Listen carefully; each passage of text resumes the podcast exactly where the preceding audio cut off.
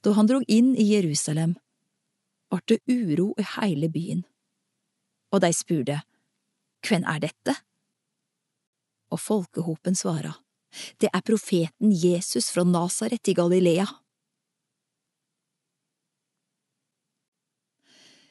Tempelet skal være et bønehus. Så gikk Jesus inn på tempelplassen og dreiv ut alle som selgde og kjøpte der. Han velta borda til pengevekslerne og benkene til dei som selgde duer, og sa til dei, Det står skrive, Mitt hus skal kallast eit bønehus, men det gjør det til ei røvarhåle. På tempelplassen kom nokre blinde og lamme til han, og han lekte dei.